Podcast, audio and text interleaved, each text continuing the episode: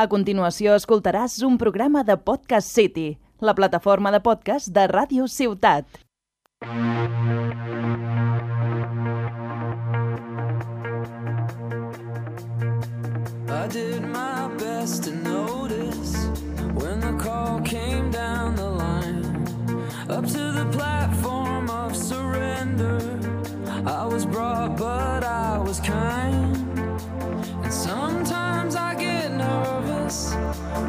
see an open door.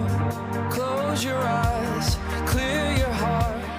Hola, sóc la Sandra Coloma Santos, la responsable del Teatret del Serrallo i avui començo el meu primer podcast per explicar-vos i posar-vos al dia de tot el que passa en aquest espai tan fantàstic que tenim aquí al Serrallo, al Teatret del Serrallo. El, aquest teatret és un edifici emblemàtic de l'Skyline serrallenc perquè va ser una escola esplai i seu social del barri pescador com a seu de la cofreria de pescadors. El Pot de Tarragona adquireix la seva titularitat i decideix rehabilitar-ho. I el mateix pro projecte condiciona el restaurant i tot l'edifici. A les primeres dues plantes hi tenim el restaurant i tenim i a la segona i la tercera i la quarta encabeix el que són la, el Teatret del Serrallo i les oficines del, del port de, de Tarragona de Port Ciutat. El 2016 s'inaugura aquest equipament i el 2017, eh, que és quan jo m'incorporo a l'equip del Port de Tarragona, comença l'activitat frenètica d'aquest espai. Eh, gràcies a la complicitat de la gent, és un espai de referència per actes de petit format, de tots els àmbits, privats, associatiu i de l'administració, així com espai musical i per al públic familiar. Per això eh, fem molt d'esforços en, en, en fer propostes noves, diferents, i cada vegada en, anar superant-nos a l'hora de, de fer una programació més atractiva, perquè com sabeu el teatret funciona de diferents maneres, hi ha una programació que fem directament des del teatret, hi ha unes propostes que sorgeixen des de la ciutadania en general que cerca ubicacions i espais per fer coses i llavors ens truquen i a banda d'això també fent l'activitat interna de moltes empreses i associacions que realitzen les seves reunions en el nostre espai. I avui no vull enrotllar-me més amb tot això perquè això al final no deixa de ser la mateixa introducció que us la puc explicar qualsevol dia que vulgueu, em truqueu i fem un cafè, però avui us vinc a explicar el que passarà aquest mes de febrer. Aquest mes de febrer eh, ve en clau de públic familiar, perquè aquest mes de febrer tindrem la primera edició del Mercat de Contes.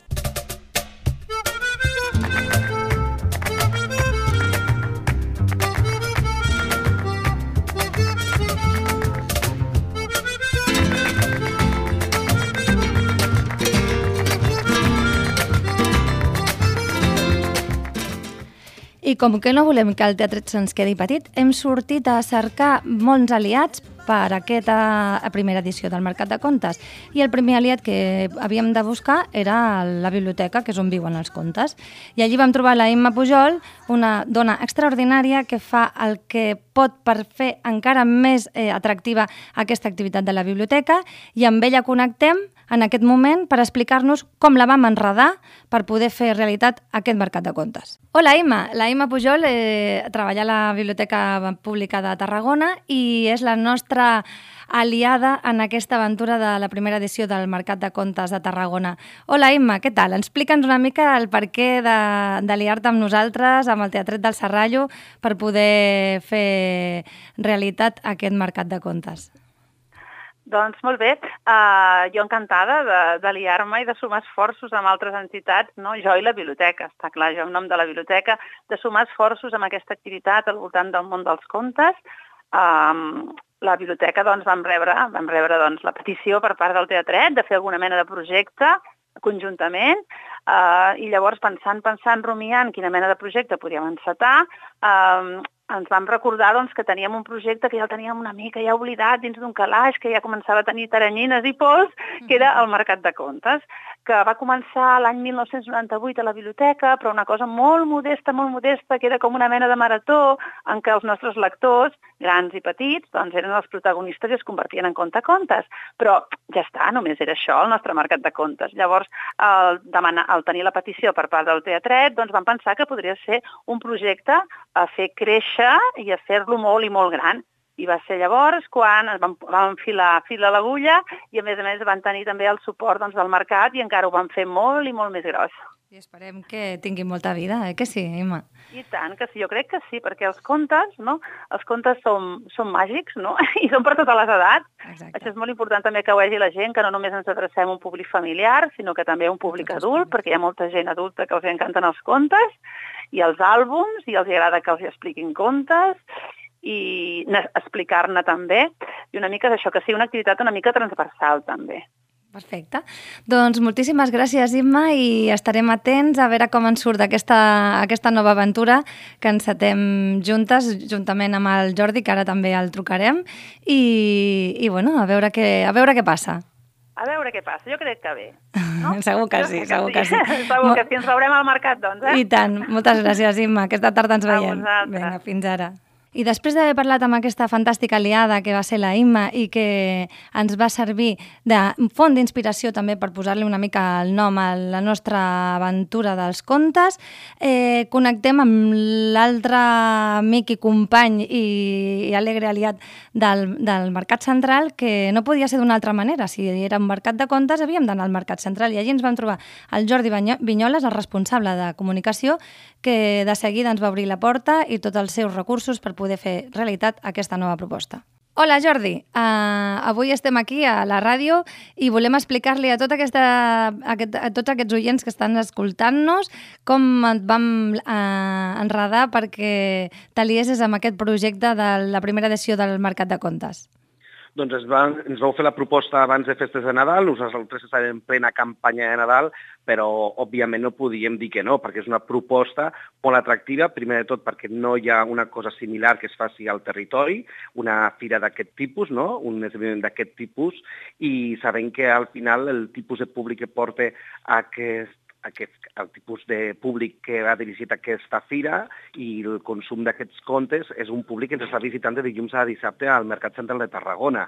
Per això ens vam sumar al projecte des del minut 1 i on des de la direcció d'Espinsa van donar l'ok per tirar milles. Creiem fermament que aquesta primera edició serà una llavor que farà que hi hagi una segona edició, sens dubte, eh, i on també s'ha destacat la col·laboració que hi ha hagut dels diferents agents del territori i nosaltres encantats de fer aliances amb, amb vosaltres, amb la gent del teatret del Port de Tarragona, com la biblioteca del carrer Gasòmetre. Encantats, encantats, entusiasmats i amb ganes de tramar durant tot l'any esdeveniments d'aquest tipus. I, Sandra. ta- I tant que sí. I esperem que tot funcioni superbé aquest, aquest cap de setmana, amb aquesta primera edició, que encetem també avui amb el taller amb el Carles Alcoi, i ens veiem al mercat.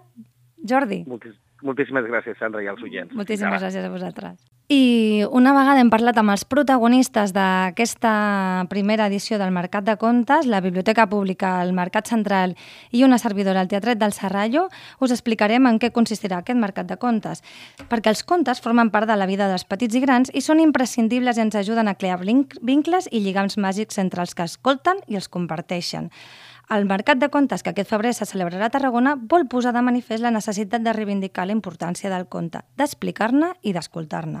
Hem sumat aquestes intencions i moltes més en aquest nou projecte que enguany veurà la llum i ho farem a través de tota mena d'activitats per a tots els gustos i totes les edats. I començarem precisament avui, el dilluns dia 3 de febrer, amb el taller del Carles Alcoi, que ens explicarà com poder millorar a l'hora d'explicar un conte que ens prepararà per la marató de contes que tindrà lloc el diumenge, però això encara no us ho explicaré, eh, lo de la marató, us ho explico més tard.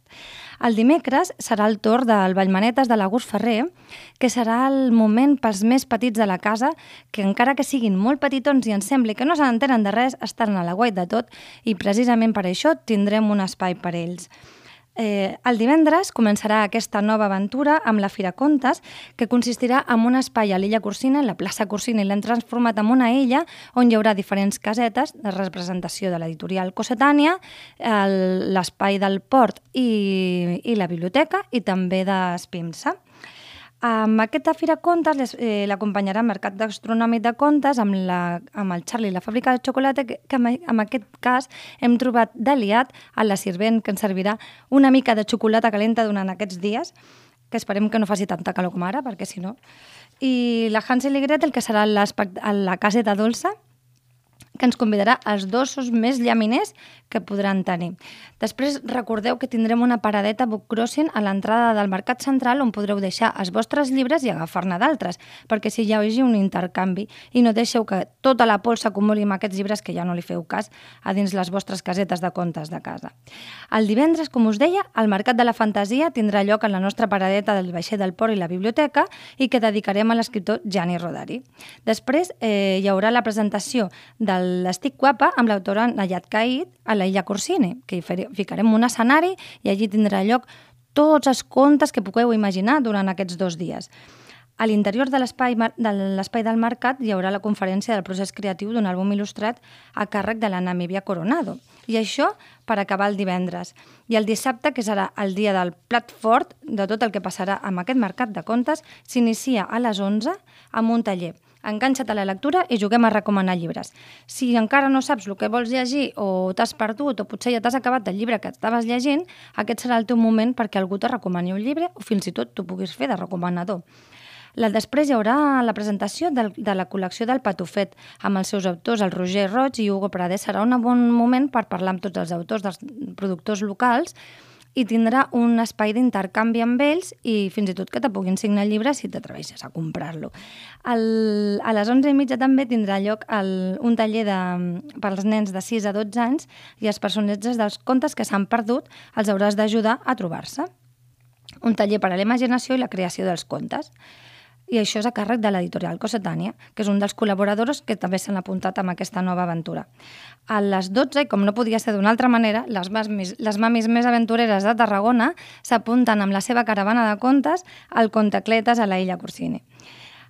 Després hi haurà un moment perquè pugueu conèixer també el responsable i autor de l'Aldes Històric Il·lustrat del Port de Tarragona, perquè aquest any el Port de Tarragona fa 150 anys i volem celebrar-ho de la millor manera i per això hem vingut també al Mercat de Contes i sortim dels nostres emplaçaments per poder explicar la nostra història des d'aquest punt de vista tan diferent com és el del d'Aldes.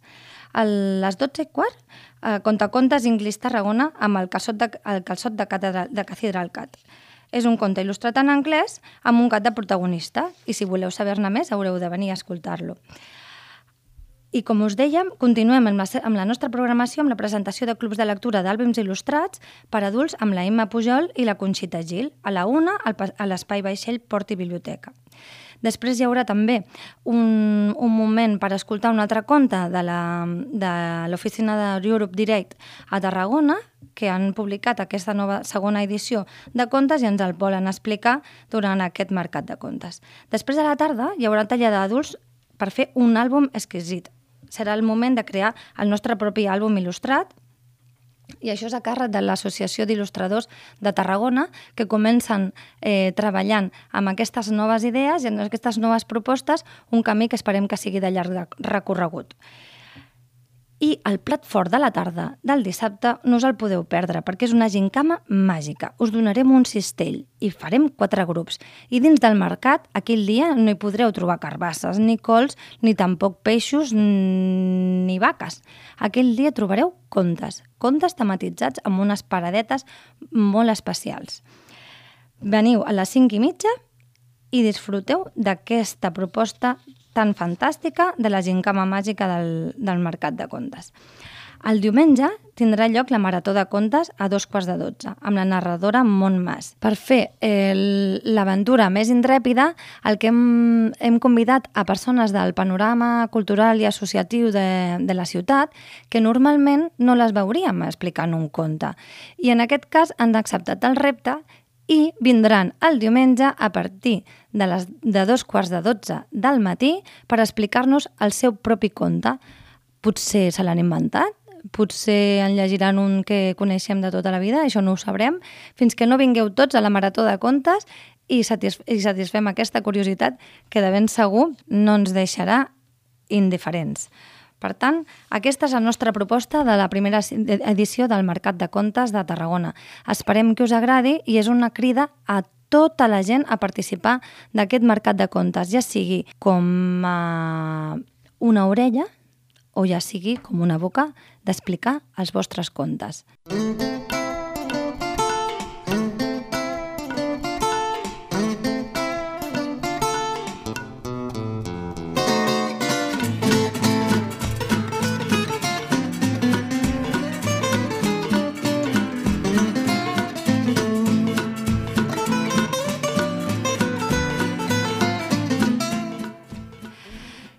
Seguim, perquè al Teatret del Serrallo no només hi passen contes, i com us deia al principi, eh, aquest mes de febrer l'hem dedicat al públic familiar. I en aquest cas eh, obrim la nostra finestra del Teatret de Circ.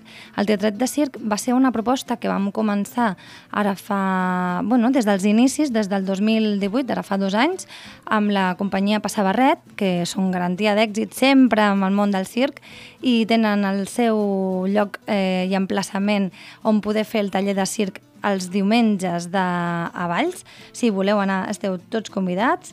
Doncs, com us dèiem, vam començar amb aquesta aventura del teatret de circ intentant transformar el teatret en una altra cosa ben diferent i que la gent de Tarragona i dels voltants que vulgui acostar-se pogués disfrutar d'un circ de proximitat.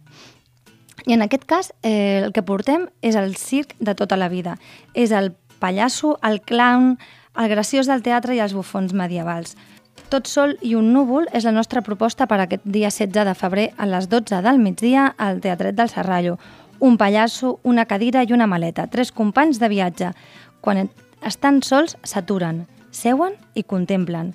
Ara fa sol, ara fa núvol i ara sol i núvol.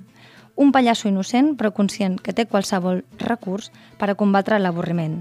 Amb l'Adrià Vinyas segurament tindreu i passareu una estona que serà inoblidable, com les d'abans, com els pallassos d'abans. Ha sido una mañana inolvidable, como todas las que pasan en un parque. Afuera llovía muchísimo. Martina tenía miedo. Había llegado la noche. Cuando salía la luna, Martina sabía que la mandarían a la cama. Luego sus padres se irían a su habitación y se dormirían. Incluso la televisión se callaría y empezaría a roncar. Nadie, menos ella, escuchaba al monstruo. Martina estaba convencida de que por debajo de su habitación había una civilización de monstruos. Vivían cabeza abajo, como en este dibujo.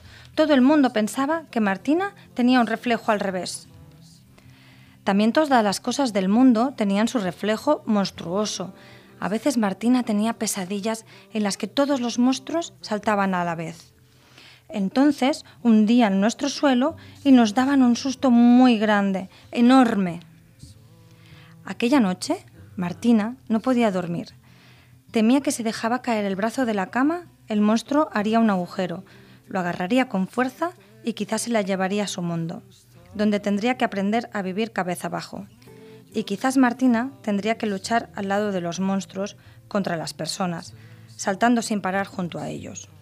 Tenía tanto miedo que se quedó muy quieta en la cama. Intentó que ninguna parte de su cuerpo, sobre todo sus pies o sus brazos, quedara fuera de la sábana y llamó a su padre. ¿Cómo serán los monstruos de grandes? Yo, en comparación a una hormiga, soy una gigante. Pero, ¿y si el monstruo fuera tan grande como tú? ¿Qué podría hacer yo? Llamarme, le dijo su padre. Escúchame, yo mataré monstruos por ti. ¿Cómo? Dándote una idea para que no tengas miedo, Martina. El tamaño de los monstruos dependerá del miedo que les tengas. Si te sientes valiente, verás el monstruo pequeño y cobarde. Y aquella noche, sin que se diera cuenta, Martina dio un largo bostezo y le llegó el sueño. Entonces Martina soñó con una niña monstrua, estaba recubierta de pelo rosa y era bastante rechoncha. La niña monstrua se llamaba Anitram.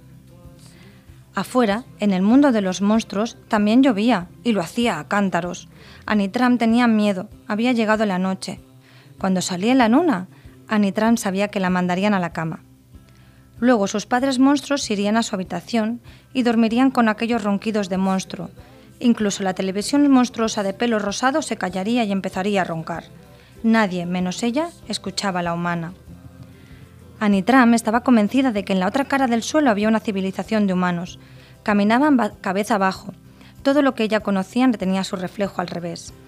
Las calles rosas del mundo monstruoso, las casas peludas y los árboles azules. Había tantos humanos como monstruos, así que en, en, caso de pelea, la batalla sería muy igualada, aunque los monstruos tuvieran las pistolas de fresa y los lápices gigantes para defenderse. ¡Nos atacan los humanos! Anitram también tenía un reflejo al revés. Por debajo de su cama imaginaba a una niña humana. Tenía su misma edad. Seguramente aquella niña había nacido el mismo día y año que Anitram. La había escuchado saltar encima de su cama. Esa humana era muy ruidosa. ¿Y si todos los humanos decidieran saltar a la vez? se preguntaba Nitram. Quizás hundirían el suelo. Desde luego, si eso sucediera, les darían un susto muy grande, enorme. Aquella noche Nitram no pudo dormir. Estaba convencida de que la niña haría un agujero, la agarraría con fuerza y se la llevaría al mundo de los humanos. Allí tendría que aprender a vivir cabeza abajo. Quizás Anitram tendría que luchar al lado de los humanos, contra los monstruos. Anitram tuvo tanto miedo que se quedó muy quieta en su cama peluda, intentando que ninguna parte de su cuerpo, sobre todo sus pies o sus brazos rosados, quedara colgando fuera de la sábana. Como no podía dormir Anitram, llamó a su padre.